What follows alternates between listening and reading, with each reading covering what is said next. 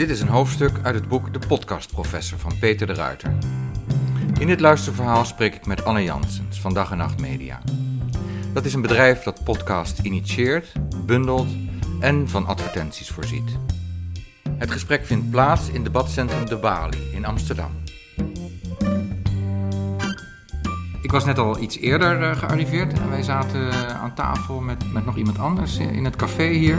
En was, ik, was ik getuige van een pitch? Uh, soort van, denk ik, ja. ja. um, want, want nou, dat was iemand dan die een podcast bij jou wil onderbrengen? Want dat is iets wat jullie doen, zeg maar? Ja, ik, uh, ja, ik, ik, ik, krijg best wel veel mailtjes van mensen die geïnteresseerd zijn in podcast en die daar meer over willen weten. En die ook uh, podcast willen maken. En die probeer ik zo goed en zo, en, zo, en zo doeltreffend mogelijk op weg te helpen. En lang niet altijd met het idee van dat is een podcast voor dag en nacht media. Maar meer zo kan ik iemand helpen om gewoon iets te gaan maken. En dan later te kijken van past het bij ons platform, bij ons netwerk. En heeft het enige ja, potentie om verder, te, uh, verder uit te laten groeien tot een succesvolle show. Want Dag en Nacht Media is, is een netwerk, zeg ja. je? Uh, wat moet ik nou onder verstaan? Ja, we zijn een, een, netwerk. We zijn ook een podcastproducent. Dus we maken zelf podcast voor ons eigen netwerk en soms ook voor uh, bedrijven, branded podcast. Maar over het algemeen zijn wij een netwerk van verschillende podcasts die wij helpen um, groter te laten worden. Wij verkopen advertenties in dat netwerk. Dus wij proberen ook de podcasters van podcast hun werk te laten maken. Door ze een inkomen te kunnen voorzien. Dus jullie bundelen zeg maar uh, een, een bestaand aanbod. Ja. Daar probeer je extra aandacht voor te vragen. En, en als die aandacht er is, dan plaats je de advertenties in. Uh, en dat is, dat is leuk voor de, voor de podcastmakers, want die hebben het niet breed. Uh, nou ja, het is voor veel mensen niet een vaste baan natuurlijk. Het is niet, er zijn maar weinig podcasters. Er zijn maar een paar voor je podcasten daadwerkelijk gewoon waarmee ze een huur kunnen betalen. En het doel van Dag en Nacht Media is te zorgen dat veel meer podcasters dan kunnen, dat kunnen straks. Zodat ze ook meer hun tijd kunnen richten aan het maken van leuke podcasts voor, voor iedereen. En jullie zijn de enige, of, of sorry, de eerste op dit terrein in Nederland? We zijn de, ja, dat denk ik wel. Hè. Uh, podcasts bestaan natuurlijk al allemaal wat langer. En er zijn al wel eerder podcastnetwerken netwerken geweest. Die iets soortgelijk hebben geprobeerd, maar die ik denk te vroeg in de tijd waren. We hebben nu allemaal smartphones die hartstikke goed werken. 4G-internet met heel veel databundels. Waardoor het makkelijker wordt om als je in de auto zit of in de trein zit, even een showtje te downloaden en te luisteren. Nou, dat was er voorheen niet. Dus had je eindeloos uh, met je desktop, je iPod te synchroniseren met iTunes. om maar een nieuw programma op je, op je device te krijgen. Dat werkte wat moeilijker. Ik denk dat de tijd nu rijp was om dit te gaan doen. En dat zijn we gaan doen, ben ik gaan doen met mijn collega Tim de Gier. Met het idee, wij willen meer goede Nederlandstalige podcasts horen. Waar zijn die? Waar blijven die? En toen dachten we, nou ja, laten we dan zelf maar dat proberen te gaan stimuleren door podcastmakers te helpen, dus een podcast groter te laten worden via ons netwerk. En door adverteerders te koppelen aan hun shows. En hoe gaat dat, die adverteerders? Hoe bedoel je? Nou, uh, komen die binnen? Ja, die komen binnen. Zijn die enthousiast? Ja. ja, dat werkt heel goed. Het is een hele leuke manier van adverteren. En heel anders dan op radio, waar je toch voornamelijk vaak wat schreeuwerige advertenties hoort met heel veel toeters en bellen doen wij dat heel anders. Wij laten juist de, de host vaak de reclames maken, zodat ze direct tot de doelgroep spreken. Ja, ja dat heb ik gehoord. En uh, je hoort het ook veel in, in Amerikaanse podcasts, hè, dat de, de presentator uh, de commerciële boodschap uh, inspreekt. Host Red Ad. Host Red Ad, ja. Oké. Okay. Vaak ook nog live ervoor. De live ook, ook, Host Red Ad. Oké. Okay. Wij van Echt Gebeurd houden van mooie verhalen of deze nu op het podium worden verteld of in de bioscoop. Daarom maken we graag reclame voor onze vrienden van Cineviel. Hun wereld is de wereld van film, een eindeloos rijke en fabelachtige plek. Met de Cineviel pas kun je voor 19,95 euro per maand zo vaak naar de film gaan als je wil. En op cineviel.nl zie je meteen wat er allemaal speelt. Speciaal voor jullie, beste luisteraars van Echt Gebeurd, biedt Cineviel nu de eerste maand gratis aan op een Cineviel pas. Ga daarvoor naar www.cineviel.nl slash echtgebeurd. En dan nu, verder met de podcast. Denk je niet dat het uh, een beetje afbreuk doet aan de geloofwaardigheid van, van, van de host? Nee. Uh, omdat hij dan ja, toch niet meer helemaal neutraal overkomt? Nee, ik denk het niet. Want? Ik, ik heb er gewoon geen enkele problemen zelf ook mee met Amerikaanse shows die ik luister. En ik denk dat heel duidelijk. Kijk, wat we wel doen natuurlijk is altijd heel duidelijk zeggen dat het een advertentie is. Dat is het belangrijkste. We doen niet aan sluikreclames. Nee, nee. Daar gaat het om. Je moet gewoon duidelijk zijn. Behalve dan dat we zeggen dat we in de balie zitten nu. ja, als je dat als een reclame vindt. je moet gewoon heel goed duidelijk maken wat je doet. En dat is het belangrijkste. En dan ben je ook gewoon geloofwaardig. En dan, kom je, dan kan het. Ja, ja. Maar je moet het niet sneaky en stiekem gaan doen. Ja. En, en, die, en die adverteerders, die komen denk ik uh, omdat jullie veel luisteraars hebben weten te vergaren voor die podcasts. Kun je een paar namen noemen trouwens van de podcast die bij jullie uh, in het netwerk zitten? Ja, dus we zijn in, uh, even kijken, april, 2, april vorig jaar zijn wij opgericht, officieel als Dag en Nacht Media, in de Bali. Toen zijn we begonnen met vier podcasts. Dat was het begin. Wie waren dat? Dat was Echt Gebeurd. Dat is een, uh, een podcast waarin mensen echt, echt gebeurde verhalen vertellen van... Uh, die wordt gehost door Micha Wertheim en Pauline Cornelissen. Die bestond al wat langer. Die had meerdere afleveringen online, wat voor ons heel erg fijn was. We, weet je trouwens of die ooit zijn begonnen als podcast? Of gewoon Ja. als, als, als Zeker. programma in Toemler? Nou, beide. Of beide? Ja, ja, ja, want Micha en, uh, en Pauline waren alle twee al vanaf heel vroeg podcast-fans. En die wilden graag een podcast ook maken. Dat was de uh, uh, show 1. Show 2 was een podcast over media van Alexander Klupping en Ernst-Jan Fout. De Rode Lantaarn van mijn collega Tim de Gier samen met Willem Dudok. Een succesvolle podcast over wielrennen nog steeds. Die bij de Tour het Giro altijd bovenaan de, de lijstjes van uh, iTunes staat in de charts. En een nieuwe podcast die ik maakte met Nienke de Jong. Ik en iemand die. Een hele leuke podcast over Ik, onze kinderen Ja. en opvoeden. Heel vrolijk. Heel Daar zijn we- casual. Heel casual, Aan de ronde tafel, tafel. Deze aflevering van Ik Ken Iemand Die wordt mogelijk gemaakt door MoneyU. En dan nu, door met de podcast. Dat was het, het roster waarmee we begonnen. En dat hebben we geleidelijk aan steeds verder uitgebreid. Nieuwe shows erbij gehaald. Nieuwe ook gemaakt. We, hebben- we hebben bijvoorbeeld Chef gemaakt met Hiske Versprillen. Eh culinaire journaliste. Die heb je geassisteerd bij het maken van de podcast? Ja, dus die kwam bij ons eh, met een idee voor een podcast. En dat zagen wij wel zitten. Dus ik ben met haar dat gaan maken. En het is een superleuke podcast geworden. Dit programma wordt mede mogelijk gemaakt door de nieuwe Appie Today podcast Bezeten van Eten. Die andijvie is waanzinnig. God, wat lekker.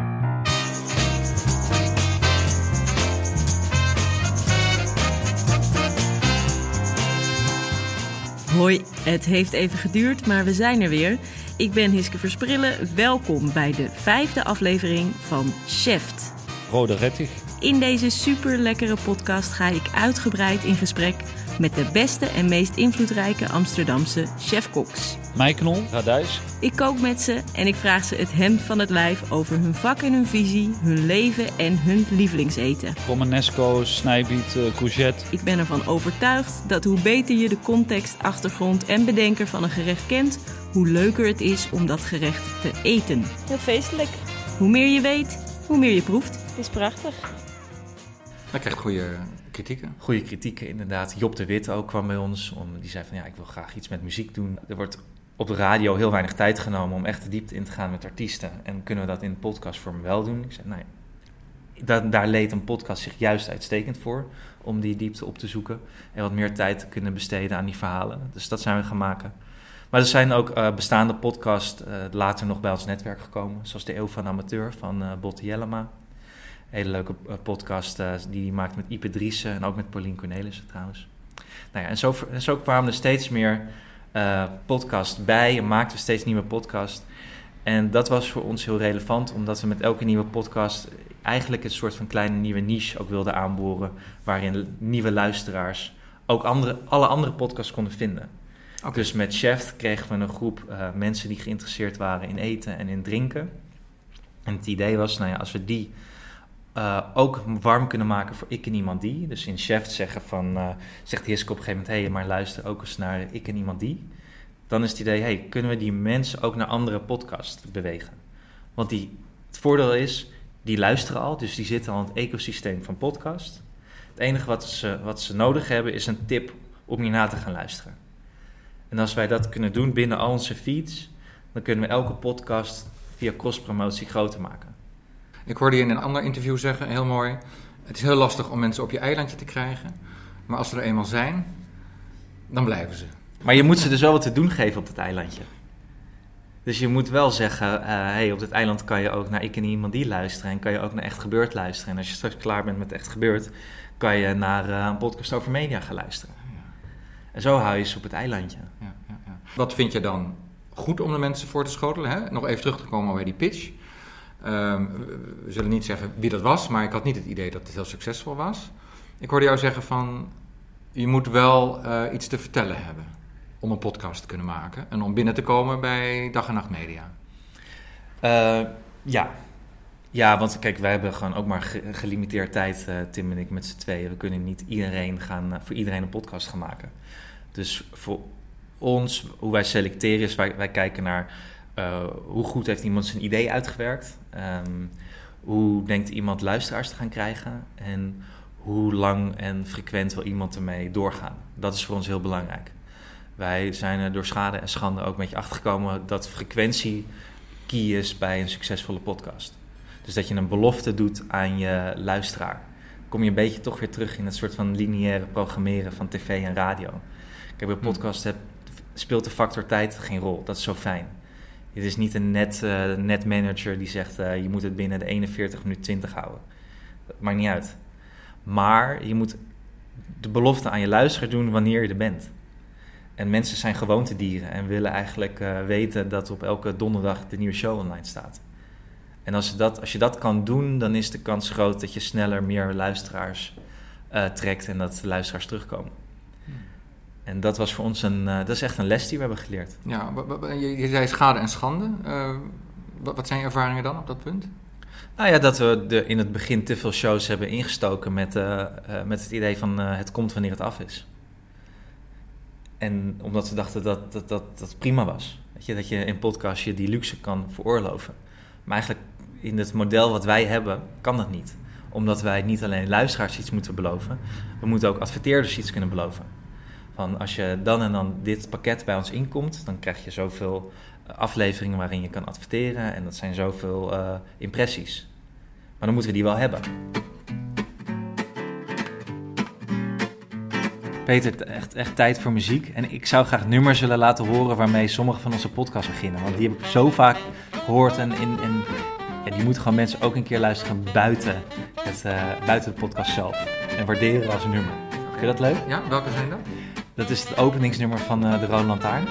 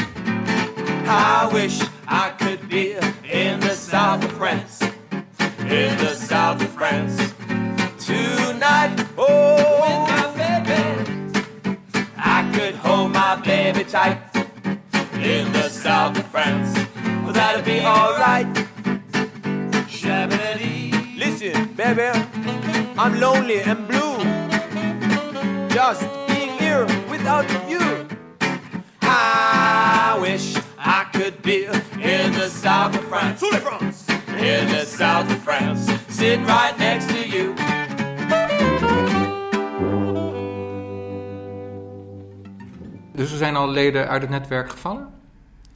Eh, je- bedoelt podcast nou ja, die we mensen die er oorspronkelijk eh, bij jullie waren aangesloten, maar niet konden voldoen aan de criteria. Nou, niet, niet in deze zin zo hard, maar er zijn wel podcasts waarmee we zijn begonnen die nu stilzitten, ja. Klopt. Wat Maar dat- stilzitten? Nou, die we op, even op hold hebben gezet. nou ja. Maar Dus- dat dus heeft dat- andere redenen hoor. Bijvoorbeeld een hele leuke podcast met twee hele leuke makers Radio Siberië. Eh, Mhm. Willem Sjoerd en Roy Santiago. Echt een ontzettend grappige podcast. Maar die, die, die willen nu eh kinderpodcast gaan verkennen. Nou, vind ik prima. Dus we hebben, hun show staat nu gewoon op hold bij ons. Wat, jullie zijn niet voor kinderen? Eh, wij hebben geen shows voor kinderen. Nee, dat lijkt me wel heel interessant, maar dat ben ik niet in eh, gespecialiseerd. Maar Nou, dat, dat, dat past toch in het palet dan, zou ik zeggen? Ja, maar ik, ik ben er zelf niet. Ik zou niet weten hoe ik dat moet doen. Dus dan moet ik onderzoek gaan doen, research. En daar heb ik nu even geen tijd voor. Maar zij zijn dat nu aan het doen, dus dat is superleuk. Dus als dat klaar is en, en het is wat, dan, dan mogen ze weer terugkomen? Ja, dan gaan we weer verder kijken hoe we dat gaan oppakken. Ja. Wel- welke onderwerpen mis je nog in het, in het palet? Ik kan beter aan jou vragen eigenlijk. Nou, ik hoorde je iets zeggen over religie. Religie. ja, religie en spiritua- spiritualiteit is de allergrootste, allergrootste podcastgenre eigenlijk wereldwijd. Ja. Binnen, binnen die onderwerpen zitten de meeste luisteraars. Ik heb een keer moeten opzoeken, maar... ehm, nou ja, dat is ook volgens mij deels omdat heel veel mensen eh, in Amerika preken luisteren. En, eh, en, en kerksessies Gewoon, gewoon, terugluisteren. gewoon monologen dan. eh. Ja. Is dat nog een podcast? Monologen? Kerksessies? nou, niet met mij. Nee, niet bij jou. Nee. Dus, dus een religieuze podcast moet wel wat meer zijn dan, eh, dan een preek. Ja. ja. Ik sluit het niet uit hoor, maar het is niet, niet, waar we, niet de lijn waar we nu op zitten. Het lijkt me interessant om te maken eigenlijk. Nee, dan moet je het, Als, als, het zelf gaan doen, eh, Peter. als, als agnost zeg je dan, geloof ik, hè? Dat even terzijde. Eh, Terzijde zijn dat goed in podcast. Ja, zijn die goed? Ja. Het is altijd heel fijn om een rode draad te hebben. En vanuit die rode draad je uitstapjes te kunnen verloven naar eh, andere onderwerpen die dicht bij je liggen eigenlijk. Zodat ik je beter leer kennen als maker. Oké. Dus ehm, ik kan er nog even op doorgaan. Ja, het was leuk geweest als je had gezegd dat je gelovig was opgevoed en dat er iets was gebeurd gaandeweg. Dan hadden we een ontwikkeling meegemaakt in jouw personage in dit interview. Maar misschien zoek je dat meer bij mij nu dan dat ik jou probeer eh, te interviewen. Nee, nou, ik, ik, kan, ik kan je wel zeggen dat ik een tijdje geleden hoorde ik eh, bij, bij Hello Radio een gesprek met eh, iemand van de meldlijn Sectes. Oh, de meldlijn, sectes. Ja, dus, dus een meldlijn voor, voor allerlei dingen die fout gaan in Ja. de maatschappij. En er is ook een, een meldlijn voor sectes. Mensen die ja, zeg maar onder het regime van een, een sectarische eenheid eh, komen Ja. en er niet aan kunnen ontsnappen. Die kunnen die lijn bellen en dan, dan wordt er eh, bemiddeld. En, ehm, en ik kwam toevallig in die uitzending. En dan mag ik ook altijd even meepraten, want, ja, want ik maakte ook een programma bij Hello Radio. En toen begon ik dus over Avatar. En nou ja, want dat speelde toen, hè, een half jaar geleden of zo. Hè, de, de, de, de tovenaars van Avatar die op, op allerlei scholen een, eh, een rol spelen. En toen keek iedereen heel verschrikt naar mij. Ja, maar Peter, we hadden net afgesproken dat we geen namen zouden noemen. Oh, oké. Het ging niet zo Oh, speciaal eh, over, over, over bepaalde eh, sectes, maar, maar meer over eh, sectes in het algemeen. En, en wat dat kan doen met mensen en, en hoe ze daar niet aan kunnen ontsnappen, hoe ze er gebukt gaan.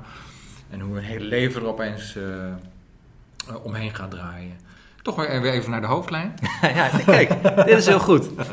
Ehm, Ik hoop dat mensen mij nu beter hebben leren kennen en jou ook. Eigenlijk, ook nog, eigenlijk had jij een actie moeten nog ondernemen om iets met die avatar te doen. Dan was het verhaal nog beter geweest. Dat er achteraf. ont- dat, er, nou ja, dat er een ontwikkeling in zat. Je bedoelt hier, hier in de podcast Ja, of ja, daar in de nee. uitzending? Nou Ja, wat je nu net vertelt. Jij meldt iets over Avatar. En daar had een ontwikkeling in moeten zitten. Er gebeurt iets. Of jij was, eh, jij was meegegaan met de tovenaars die de scholen bezoeken. En daar heb je dit uit eh, Ja. meegemaakt en Ja, geleerd. Ja, ja. Nou ja, ik, Of je ik- bent in een gigantische vechtpartij met tovenaars terechtgekomen. Oh nee, oh, oh, sorry. Ja, maar dat vergeet ik inderdaad Luisteraars, te jullie kunnen niet zien dat, eh, Peter met twee blauwe ogen zit. maar- nee, maar dat vergeet ik te vertellen. Het lijkt me dus interessant om daar een, een, een serie over te maken. Om eens af te stappen, ook inderdaad, op die, op die clubs. En dan eh, geheel eh, onbevooroordeeld is te horen wat zij nou willen bijdragen aan. eh, Waarom aan de samenleving. onbevoordeeld? Onbevoor... Ik zou lekker bevoordeeld erin stappen.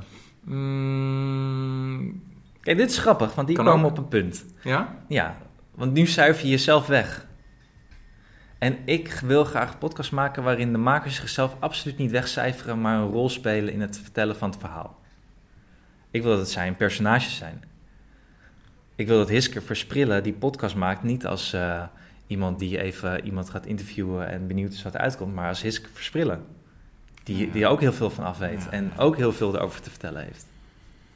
Ik begrijp, ik begrijp wat je bedoelt. En dat is ook inderdaad iets wat je, wat je wel vaak ziet. Hè? Bij eh, Bob eh, bijvoorbeeld. Hè? Daar, hebben ze, die dames van Schik ook gezegd van... wij zijn een echt personage. Maar ik denk dat bij bepaalde eh, onderwerpen... moet je denken van... hoe krijg ik er het meeste uit? Ja, oké. En dan denk ik dat een secte eh, vrouw snel zal dichtklappen... als jij al meteen met, begint met hele kritische vragen. Ik, ik heb over, overigens toch al vaak last van dat ik te enthousiast ben over iets. Te enthousiast. Ja, dat ik juist heel positief eh, op iets uh, En waar, waar, ben En je, vooral als ik een boek over schrijf. waar ben je te enthousiast over? Nou, ik heb een boek over bitcoins geschreven en dan schrijf ik ook in de... Toen klapte de markt. En, en, en toen schrijf ik ook in de inleiding van... Goh, ja, sorry, eh, dit is niet helemaal onbevooroordeeld... want ik ben gewoon enthousiast over de mogelijkheden van bitcoin. Dus ehm, ja, neem hier en daar eh, een korreltje zout. Grappig. Want Ja. ik vind juist ergens heel enthousiast over zijn. Dat is ja, eh, voor als je een podcast gaat maken, is dat het beste ingrediënt om mee te, om mee te beginnen. De kans is groot dat je namelijk andere, andere mensen het ook super enthousiast over krijgt. En mee kunt nemen in jouw zoektocht en ontdekkingsreis. Over, om er nog meer over te weten te komen, mensen over te spreken en er Ja. verhalen over te vertellen. Ja, ja. En dat vind ik soms ook het. Maar nu generaliseer ik wel een beetje hoor. Maar vaak ook een verschil gewoon met radio, waarin mensen onbe, echt als, niet als een personage erin stappen, maar een reportage doen om een bepaald fenomeen iets meer beter te weten te komen. Even edit. Nee. Oh, sorry. Ik maak altijd drie, ik maak altijd drie knipjes, mensen, als er, eh, als er te veel herrie is. Oh. Doe ik altijd hier. Ben ik gewend in de balie. Sorry. Ik, ja, ik zit in te breken in jouw show. Eh, maar. ehm, wat was Waar we het over hebben, is, is welke invalshoek kies je als Oh ja, podcast? oh ja, ja, ja. Ga je negatief tegenaan, of ja, kritisch, of positief, of neutraal? Ja. En ik denk dat alle drie mogelijk is. Ik hou gewoon van podcast waarin mensen die het presenteren of die de belangrijkste host zijn, een zeer eh, aanwezige eigen stem hebben. En het heel erg ook vanuit ik kunnen vertellen. Maar dat is gewoon een manier van hoe ik graag podcast maak. En, en dan hoop je natuurlijk wel dat de luisteraar zich kan vereenzelvigen met die ik. Zeker, ja, dat is belangrijk natuurlijk. Ja, hè? Dus je ja, moet wel mensen hebben die, goed, die gewoon goed kunnen vertellen en die een verhaal kunnen opbouwen. Ja, ja, ja, ja. Podcast is heel veel schrijven. Daar kom ik ook pas later achter. In welke zin? Nou, wij werken best wel veel met eh, bijvoorbeeld met voiceovers en het maken van scripts. Nee, met de Rode Lantaarn, Wielerpodcast. Ehm zitten ze, eh, eh, Willem en Tim bespreken vaak een koers na die ze hebben gekeken. En het lijkt alsof ze maar een beetje lopen te ouwe hoeren, maar dat is helemaal niet zo, want ze bereiden het gewoon voor. Er ligt een best wel dik script waar ze zich aan houden en een routeboekje van, van hier komen we daar en dan bespreken we dit en dan moeten we nog dit bespreken en dan doen we dit. Uh, maar omdat ze het zo goed voorbereiden, uh, is het heel fijn om naar te luisteren en, los, en, en li lijkt het heel los. Maar het verveelt niet. En het brengt je van het ene punt naar het ander. Zonder.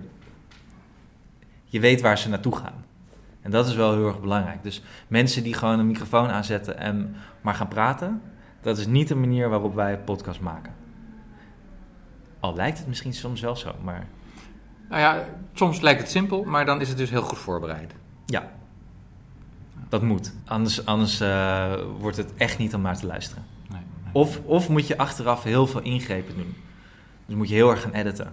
Om de stukken die uiteindelijk nergens op uitkwamen. en de verhaallijnen die doodliepen eruit, te- eruit te slopen. Maar dan ben je meer tijd kwijt. Het is efficiënter als je het goed voorbereidt. En een scriptje maakt. Ja, ik ben zelf ook niet zo gesteld op, op, op die podcast met hele lange introducties. En dan eh, na zeven minuten komen ze eindelijk eh, op het onderwerp wat ze wilden bespreken. Nee? Oh, dat is precies de rode lantaarn. Oh ja? Hele lange introductie? ja, ja, wij Oh, maar ik dacht dat je juist nu aan het vertellen was dat we dat niet moesten hebben. Nee, je moet het voorbereiden. Maar je kan best lang introduceren. Ik ben met juist dol op lange introducties. Ja? Ja, ik vind het juist leuk. Ik, we hadden een eh, WK-podcast, Neutrale Kijkers. Een, een echt succesvolle podcast, hij heeft het echt goed gedaan. Elke dag tijdens het WK waren Jordi Amali en Peter Buurman eh, aanwezig in je feed om over de wedstrijd te praten. Maar wat gaandeweg gebeurde, was dat ze eigenlijk de eerste, het eerste kwartier of de eerste twintig minuten over een verhuizing aan het praten waren of op wat ze aan het eten waren op de bank. En dat waren eigenlijk de, de, de stukjes in die podcast waar het meest op werd gereageerd. Wat mensen het leukst vonden. Ja, Jordi, hoe staat het met de verhuizing? Eh, afgerond. Vanochtend eh, de laatste spulletjes eh, eruit gesleept. Alle sleutels verzameld van over de jaren. En eh, overhan- over moeten, ha- ja, moeten overhandigen na het tekenen van de papieren. Ik ben Zo. officieel eh, tijdelijk dakloos. Hoe lang, heb, hoe lang heb je daar gewoond? Tien jaar. Op de Zo. kop af tien jaar en een maand. Zo, dat is wel een eh, fase van je leven die je daar heeft eh, overhandigd. Ja, eh, de, de, de, de, beide makelaars zullen van andere bedrijven. Nog een muziekje, Peter. We moeten naar muziek. Eh, het openingsnummer van Neutrale Kijkers, onze WK-podcast. Dat een hele zomer lang heel veel mensen in hun hoofd hebben gehad. Een Russisch operanummer over een, eh, een paard dat volgens mij een oorlogskar trekt. Tachanka van Leon Liesner. Лети с дороги, птица, сверх с дороги уходи. Видишь, облака клубится, конье мчатся впереди. И слоют с поворота по цепи врагов густой. Ветер бьет из пулемета, пулеметчик молодой. Эх, тачанка, растачанка, наша гордость и краса. Канарнийская тачанка, все четыре колеса.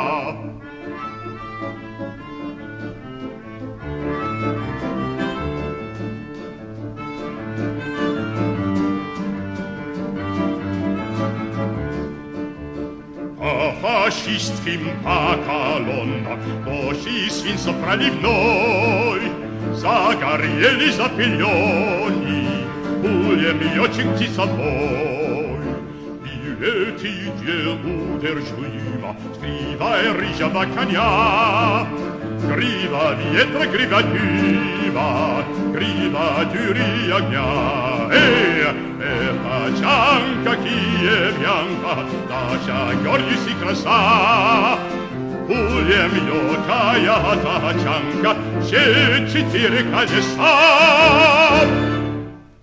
En daar zijn ook stukjes in de krant over geschreven, over die podcast. En eh, eh, zei ook eh, iemand in de column van... ja, ik, ik wil eigenlijk eindeloos blijven horen hoe het gaat met de verhuizing van Jordi. En zijn asbestproblemen. het ging hem niet over voetbal. Dus dat wordt misschien een format op zich. Nou, ik denk dat dit ook iets vertelt over ehm, de kracht van een, iemand die goed kan vertellen en jou mee kan nemen en zichzelf in het verhaal kan plaatsen en waarmee je dus een band opbouwt. Hm. En dat sloeg heel erg aan. Best wel grappig, toch? Ja, nou ja, dat, dat is dan de terzijde eigenlijk. Het is de terzijde heel erg op de voorgrond geplaatst. Ja. Ander ding wat we graag op de voorgrond plaatsen, wat in andere media juist een beetje wordt weggemoffeld, zijn rectificaties. In die show ook eh, neutrale kijkers en in eh, de Rode Lantaarn beginnen we altijd met wat we de vorige aflevering verkeerd hebben, hebben gezegd. Hmm. Zodat we er zelf wat van leren. En luisteraars vinden het ook hilarisch, want die gaan dus ook de host proberen te betrappen op fouten en sturen, ja, ja. En sturen dat in. Dus je krijgt ook een iets andere manier van luisteren en interactie met je luisteraars. We hadden nog, eh, nog een andere rectificatie van Hidde Spaan. Die had er zelfs twee eigenlijk. Namelijk één is dat we zeiden dat Cavendish net buiten de tijd was. Dat was niet, hij was een half uur buiten tijd. Ja. Maar hij finishte wel. Dat was eigenlijk de belangrijkste boodschap. Daar waren we, dat vonden we knap van Mark. En we hadden het... eh, Eh, ja, maar het, dit was, ik wil je wel graag even op wijzen dat dit een, eh, dit was een ironisch, ironische opmerking van ons gisteren. Want wij zeiden hij finished nipt buiten de tijd, omdat Ah. hij echt belachelijk ver buiten de tijd binnenkwam. En zichzelf echt kruipend naar boven moest eh, die ironie was trekken. mij ook ontgaan hoor. Wat in podcast werkt, maar wat je eigenlijk nooit op tv zou zien. Ik kan je niet voorstellen dat Matthijs van Nieuwkerk de wereld daardoor begint met wat hij de vorige aflevering allemaal fout heeft gezegd, toch? Nee. Maar daar, ja, dit is, daarom is het ook zo'n prachtig medium. Ja, Ja. heel eerlijk en, eh, en persoonlijk en, En- en- direct en, intiem. En je kunt dus enorm experimenteren. Even terug naar de hoofdlijn. Heel goed. Dag en Nacht Media. Een jaar bezig. Ehm, kun je iets van de resultaten kwantificeren? Hoeveel luisteraars? Nou, toen we begonnen hadden we, hadden we 40.000 downloads. En nu zitten we tussen de 750.000 en een miljoen per maand. Dat is enorm. Dat is wel veel, ja. Ja. Dat is heel goed gegaan en dat is heel, heel snel toegenomen ook. Ehm, het kan nog steeds beter natuurlijk en meer. En dat moet ook. Wil je echt eh professionelere podcast krijgen, denk ik. Maar uitgaande van 1 miljoen. eh, ik heb je ergens horen zeggen dat een eh, soort vuistregel is voor de advertenties eh 50 euro per duizend luisteraars. Dus dat betekent dat je een omzet hebt van eh 50.000 euro per maand. Bij 1 miljoen luisteraars. Bij één advertentie. Bij één advertentie. En bij de garantie dat alles uitverkocht is. Zou kunnen. Dan moet je wel bedenken natuurlijk dat die 50.000 euro is niet voor ons. Voor dag en nacht. Bedoel, dat gaat het, ver het grootste deel vloeit terug naar de makers. Ja, laten we het hopen. Ja. ja. Maar eh, gaan we dat binnenkort lezen in het jaarverslag? nee. Nee? Moet ik een jaarverslag gaan maken? Wie leest er nou jaarverslagen? Ja. Nee, maar we willen daar best transparant over zijn natuurlijk. Dat is belangrijk ook. En dat Ja. eh, zou ook eh, aanleiding kunnen geven aan mensen om te denken van... oh, er zit daadwerkelijk wel enigszins brood in. Laten we hier ook serieus over nadenken. Dus dat is belangrijk dat we er open over zijn. Waar ik niet open over ben, is over wat individu- individue- individuele shows doen aan luisteraars. Omdat ik dat vind, dat is aan de makers zelf om wel of niet te zeggen. Dus ik zeg altijd binnen ons netwerk. Hmm. Maar ik zeg, ik, ik, ik, ik, benoem- ik, ik vind niet dat ik, ik vind niet kies om te zeggen wat bijvoorbeeld chef doet of de eeuw van amateur. Dan vind ik dat moet Hiske Nee. of uh, Botte Nee, zelf nee. Maar, maar kun je wel zeggen hoeveel eh, de podcastmakers eraan verdienen nu momenteel om bij jullie eh, mee te doen in totaliteit? Nou, dat is dus moeilijk om te zeggen, omdat we hebben een soort van eh, ja, een soort trap opgebouwd binnen de shared revenue. Want alles wat, al- alles wat er binnenkomt, verdelen we. Mhm. Maar we verdelen natuurlijk naar ratio van hoeveel luisteraars elke show heeft en hoeveel advertenties daarin uitgespeeld zijn. Dus hoe meer luisteraars je hebt, hoe meer je verdient. Dat is, dat is gewoon logisch. Dus kan niet. Het is moeilijk om te zeggen hoeveel eh podcasters verdienen. Want het hangt heel erg vanaf hoe vaak een show verschijnt en hoeveel luisteraars ze hebben en hoeveel adverteerders hebben gekozen om in die show te adverteren. Maar alles bij elkaar opgeteld? Ja, dat weet ik niet. Hm. Dus dat ik vind het moeilijk om te, ja. Het is niet onwil of zo hoor, maar Nee, dat is een nee. hele moeilijke vraag voor mij om te beantwoorden. Daar heb ik gewoon ook niet nu iets over praten. En wie, wie adverteren bij jullie? Even denken. Ehm, we hebben een paar keer eh, Storytel als adverteerder gehad. Dat is wel leuk. En, en, dat, en dat is goed. Nou, ik noem die omdat ik denk dat dat een succes voor ons ook een fijne adverteerder is. Omdat er een hele duidelijke fit is wat zij doen met waar podcastluisteraars ook op, eventueel op te wachten eh, zouden, zouden Ja, zijn. luisteren. Weet je? Ja. Luisteren. Ik bedoel, Storytel is een luisterboekenplatform. Nu zit ik hier gratis reclame voor ze te maken. Ik word er niet voor betaald, beste luisteraar. Hm. Maar ze zijn al een keer in de uitzending geweest. Ze zijn een keer in de uitzending geweest bij ons en ze sponsoren... Nee, bij ons ook. Bij oh, bij jullie? ook. Oh, oké. Oh, wat leuk. oh, nou ja, heel goed. Maar ik denk dat, dat... Ik zeg dat, want ik denk van... Daar zijn we ook eigenlijk naar op zoek. Ik wil je niet lastigvallen met mijn advertenties. Dat werkt helemaal niet. Ik wil juist adverteerders waarvan ik denk van... Ja, dat, daar zit een bepaalde fit in tussen wat we wij doen. Er zit een connectie tussen. En dat is met luisterboeken denk ik heel erg zo. Want je, je, bent, je wil al luisteren als je podcast luistert. Je hebt al een manier gevonden of een tijd gevonden waarop je denkt van nu ga ik mijn koptelefoon opzetten om een bepaalde show eh, op, eh, te luisteren. Of... Maar geen eh, Co- Coca-Cola of Unilever? Nee, die, daarvoor zijn we te klein, Want, want wie, wie adverteren nog meer? Ja, ik kan alle podcasts afluisteren, dan hoor ik het. Maar het is makkelijk als je het nu zegt. Ja, dat is altijd uh, vroeg. Uh, Helpling was ook heel erg leuk. Dat was een schoonmaak-app. Voor Amsterdam, geloof ik, of heel Nederland? Uh, heel Nederland wel. Oh, oh. podcast is ontzettend leuk om in te adverteren, omdat het is ook uiteindelijk goedkoper dan in andere soorten media. Ook omdat uh, je hoeft niet nog een heel mediabureau in te schakelen om je reclamefilmpje te maken met acteurs, weet ik veel wat. Uh, wat wij doen, uh, wij vragen adverteerders om na te denken over een paar key talking points die ze erin willen hebben. En we maken er zelf. Wat zijn dat key talking nou, points? gewoon dit, een slogan bijvoorbeeld of een website. Of dit moet je over. Dit we willen dat ongeveer dat je dit over ons bedrijf dat je het over vertelt, zeg ja. maar. Maar wij maken het script en de makers die vertellen het, zeg maar. Dus dan klinkt het, het past veel meer daardoor ook altijd bij de sfeer van de show. En het komt op een hele andere manier over dan een schreeuwige reclame op radio of tv. Ik verga van de dorst. Heb jij dat ook niet? Ik ook, ja. Ik, uh, ja. Je moet maar heel snel een natje opentrekken. Ja, we hebben... Wat uh, heb je voor ons meegebracht? Ja, zoals je weet, Brouwerij De Molen is onze sponsor en maakt deze podcast mogelijk. Mm -hmm.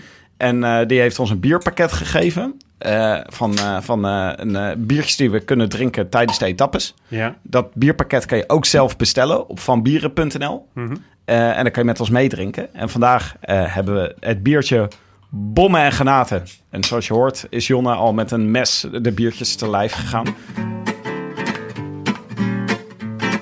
Maar stel nou dat Matthijs van Nieuwkerk zo in het programma gaat zeggen van... Uh, u moet bij uh, de dames en heren van Storytel zijn. Bij uh, De Wereld Door? Ja. Ja, er zitten wat reg regulaties aan dat het niet kan. Maar in, als maar, ik een podcast met Matthijs van Nieuwkerk ja, zou nou, maken... dat is een goede vraag trouwens. Dan zou ik, zou ik het meteen laten doen. Wat reclames betreft in podcast ben je dus niet gebonden aan de mediawet. Niet aan die van de publieke omroep in elk geval. Nee, dat is wel mooi, ja. Ja, dat is heel mooi. Wij krijgen ook VPRO als adverteerder. Dat is wow. ook wel leuk, hè? Ja, ja, ja. Die ja. kunnen dus ook buiten de ster om uh, advertenties plaatsen voor hun shows in ons netwerk. Dat is ook een hele leuke manier trouwens waarop we ons netwerk in kunnen zetten. Is dat uh, ook bedrijven trouwens die een podcast maken denken, nou hoe, hoe komt mijn podcast, hoe, hoe leren deze luisteraars van deze show mijn podcast ook kennen? En hoe komen ze erop en hoe krijgen ze er een bepaald gevoel bij? Nou, laten we andere podcasts gebruiken om iets van mijn podcast Ja. vast te laten. En dat vind ik ook een hele leuke manier van adverteren. Want ik denk, ja, daar hebben veel luisteraars ook wat aan. Ja. Als wij uh, uh, pod- advertenties verkopen voor een andere podcast die ik zelf ook leuk vind, dan denk ik, nou, ik sla ik gewoon echt twee vliegen in één klap. Doen, meteen doen. Ga je nog op andere manieren geld verdienen voor de podcastmakers? Uh, nou ja, wat je veel in Amerika ziet, is dat heel veel podcasts toeren. Hè? Dus die gaan echt op tournee met, uh, met live shows en live programma's op, op het podium. Dat is wel grappig. Waar denk je aan? Nou, we hebben drie keer deze zomer de Bali uitverkocht met die Neutrale Kijkers podcast. Dat was wel echt heel erg tof. Wat gebeurde daar? Er werd live opgenomen, er werd voetbal met elkaar gekeken. Er werd een wedstrijd aangezet op een scherm en daarna werd live de podcast opgenomen. En er zaten steeds 100, 100 mensen en die bleven na de wedstrijd gewoon wachten totdat we de podcast gingen opnemen.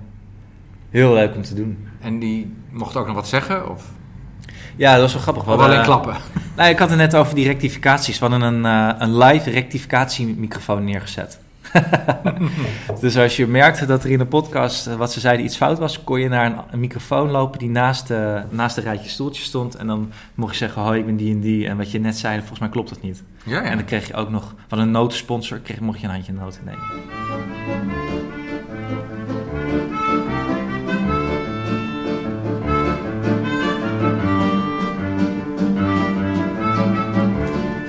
Wat een dag.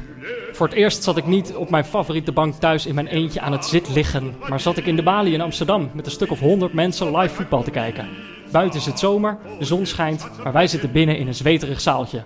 De gordijnen zijn gesloten, op tafel ligt een zakje gebrande hazelnoten van Sebon, de beste notenbar van Amsterdam. En we hebben Marokko afscheid zien nemen van het WK met een schitterend gelijkspel tegen Spanje. Hey.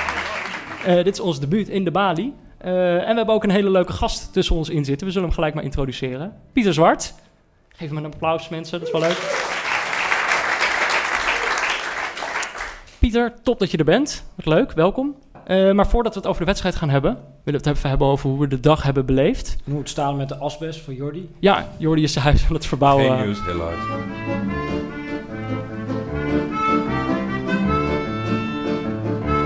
Ik kan me herinneren dat jullie met de Rode Lantaarn vorig jaar als eerste podcast een echte primeur hadden hè, binnen de nieuwswereld. Eh, help me even. Oh ja, ja, over eh, Tom Dumoulin, dat hij de Tour ging rijden. Ja, ja dat was ook nog echt eh, op grote buitenlandse media ook nog. Er werd, er de Roland Taar genoemd bij de BBC. Wauw. Ja. Wauw, de Red Lantern. Ja, en de grap is dat je daar dus niet direct heel veel meer luisteraars toe krijgt. Omdat dat zich toch in een ander... nou, ik had het net over de podcast promoten werkt het best binnen, de, e- binnen het ecosysteem van podcast zelf. Dus de meest efficiënte manier om jouw podcast te promoten is binnen een andere podcast. En het is heel leuk, het is heel belangrijk om naamsbekendheid te krijgen buiten die wereld. Maar het luistert niet automatisch naar, door meer luisteraars. Die aflevering, het was een, een scoop over dat toen Dumoulin de Tour ging rijden. Eh, dat had toen een manager gezegd van Sunweb, zijn ploeg. En dat werd breed opgepakt en dat werd in kranten genoemd en zo. Maar als je dan de week daarna gaat kijken of die uitzending heel veel was geluisterd. Nee, Hmm. wel iets meer dan normaal. Maar niet, niet duizenden extra's of zo. Nee, nee, nee, nee dat, dat wordt ook wel eh, conversie genoemd. Hè? Eh, ik weet wel dat, dat het bijvoorbeeld niet zoveel zin heeft om te adverteren eh, voor een elektronisch product in een krant. Want de stap van krant naar een elektronisch medium is heel groot. Dus als je iets elektronisch te verkopen hebt, zeg maar, dan moet je ook elektronisch adverteren. En kennelijk is het bij podcast dus zo sterk dat je eh, eigenlijk binnen jouw podcast-app moet blijven, of binnen iTunes moet blijven, of binnen SoundCloud, of binnen Dag en Nacht Media moet blijven, om, om, om die conversie optimaal te hebben. Ja, er, zit, er, speelt nog iets mee. En dat is eh, dat een eh, podcast is een eh, lean forward medium. Dat betekent dat jij op het puntje van je stoel zit. Ja, en heel actief een keuze moet maken om op een bepaald tijdstip iets te gaan consumeren. In plaats van tv, eh, waarin je het aanzet en je ziet wel wat er is en je zept een beetje. En je, je ligt achterover op de bank.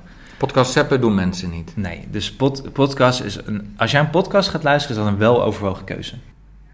Anne, ik denk dat het tijd is voor het laatste stuk muziek. Wat heb je in gedachten? Ehm, de muziek van S-Town, Shittown. Prachtige m- vormgegeven muziek in die hele show. Dat is iets waar we ook naar streven om echt te kunnen kijken als we een nieuwe show maken, dat we ook echt muzikanten erbij halen, composers erbij halen, om specifiek voor die show iets te componeren. Dus Dat geeft zoveel meer sfeer aan je productie. En dat is zo. eh, S-Town is voor mij daar het beste voorbeeld van. Dus ik wil graag het nummer van S-Town van Daniel Hart.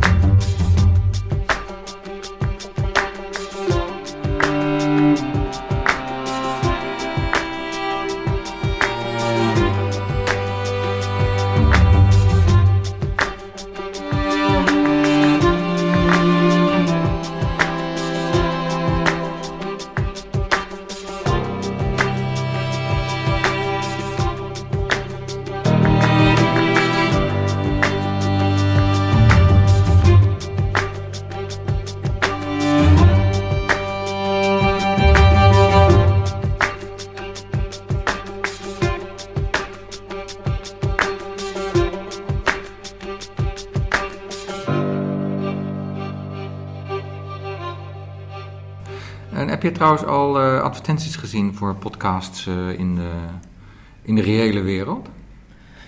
Ja, eh, de Tour de France podcast met Mart Smeets, die door de Afro Tros werd gemaakt, die is op tv zelfs meer, meermaals geadverteerd. Het is volgens mij voor het eerst dat een Nederlandstalige podcast op tv... dat er reclame wordt werd gemaakt.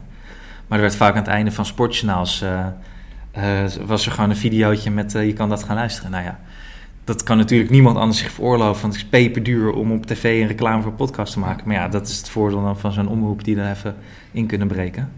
Ik zag net hier in de stad affiches hangen van een podcast. Dromen waarmaken. Hoe dan? Is dat een podcast? Dat is een podcast. The Inspiration Project. Nou ja, dus dat kun je niet zo makkelijk vinden, tenzij je weet, want in de, er staat ook nog een logootje op van USA Today. Mhm.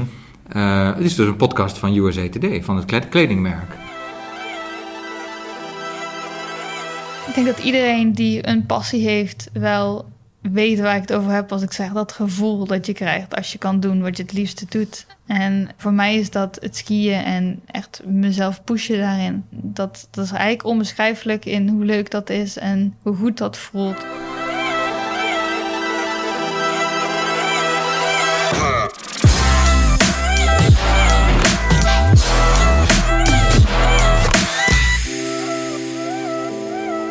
Dag allemaal en leuk dat je luistert naar de podcastserie The Inspiration Project. Mijn naam is Benten en namens America Today ga ik in gesprek met artiesten, kunstenaars en ondernemers over hoe zij met vallen en opstaan hun dromen waarmaken.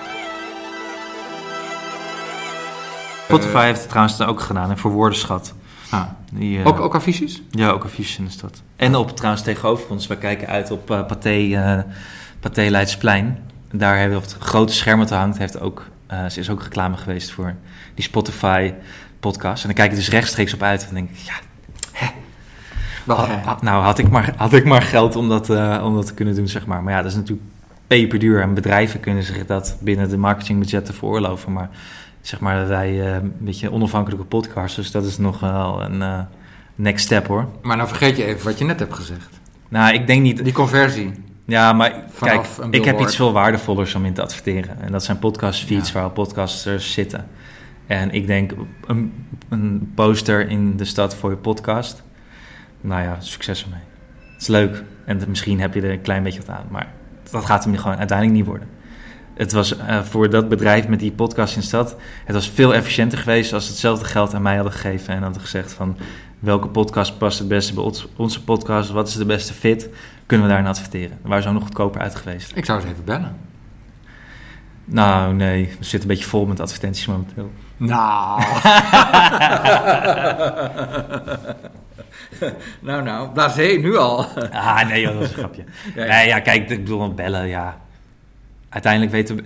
Het, dat, is, het is ook wel heel fijn, dat is ons enorm meegevallen... dat heel veel, eh, heel veel bedrijven ons gewoon ons weten te vinden.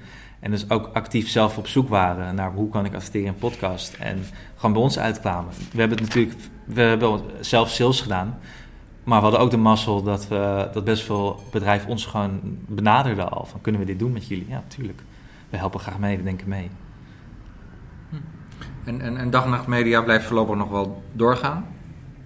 Dat is wel de bedoeling. Ja, ja je hebt een, eenmalig een, een, een toelage gekregen eh, van het Stimuleringsfonds voor de media, of nee? Voor de journalistiek, ja? Helemaal in het begin, ja. Ja, ja. En eh, ja, daarna moet je wel je eigen broek kunnen ophouden. Oh ja, maar die toelage was al na een maand op hoor. Wauw, big spender. Nou ja, kijk, dat was, eh, dat wil ik wel vertellen. Dat we hebben toen een toelage gek- gekregen om het platform mogelijk te maken. Was 24.000 nog wat?